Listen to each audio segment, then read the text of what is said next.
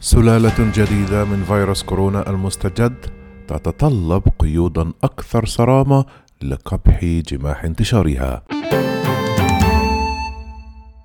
قال خبراء أن السلالة الجديدة من فيروس كورونا المستجد سارس كوف 2 تتطلب قيودا أكثر صرامة لكبح جماح انتشارها في وقت بدأت دول مثل المملكة المتحدة.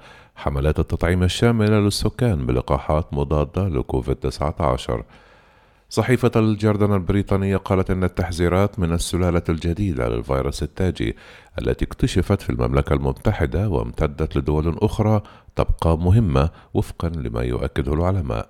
تحمل السلالة الجديدة طفرة تسمى N501Y في بروتين فيروس كورونا وهذه الطفرة موجودة على سطح البروتين الفيروسي وتسمح له بالالتصاق بالخلايا البشرية لاختراقها. الدكتور بجامعة سانت أندرونز موغ سيفيك يقول أن العلماء رصدوا أكثر من أربعة آلاف طفرة من سارس كوف 2 وأضاف أنه من الصعب التصرف مع السلالة الجديدة خاصة وأنها جاءت في قبل موسم الأعياد حيث تخطط العائلات للالتقاء ببعضها البعض في العطلات. من جانبه قال أستاذ الأمراض المعدية في كلية لندن الجامعية وعضو المجموعة الاستشارية العلمية لحالات الطوارئ البروفيسور أندرو هايورد أن لندن والجنوب الشرقي متقدمان كثيرا لكن الأمر استغرق أسبوعين لتحول نسبة الإصابات إلى مرتفعة. ولذا أشعر أنه سيكون من المحتم أن تكون هناك حاجة إلى قيود أكثر ثرامة في جميع أنحاء البلاد. تابع كما, حال كما هو الحال دائما من الأفضل المضي قدما في وقت مبكر.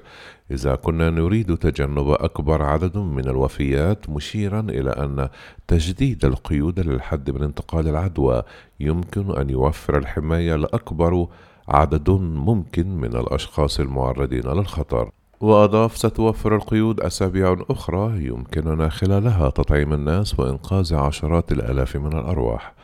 وأدى انتشار هذه السلالة الجديدة من فيروس كورونا إلى جعل السلطات البريطانية تعيد فرض تدابير الإغلاق في لندن وجزء من إنجلترا بما يشمل نحو 16 مليون نسمة وذلك وفقا لتقرير نشرته فرانس بريس.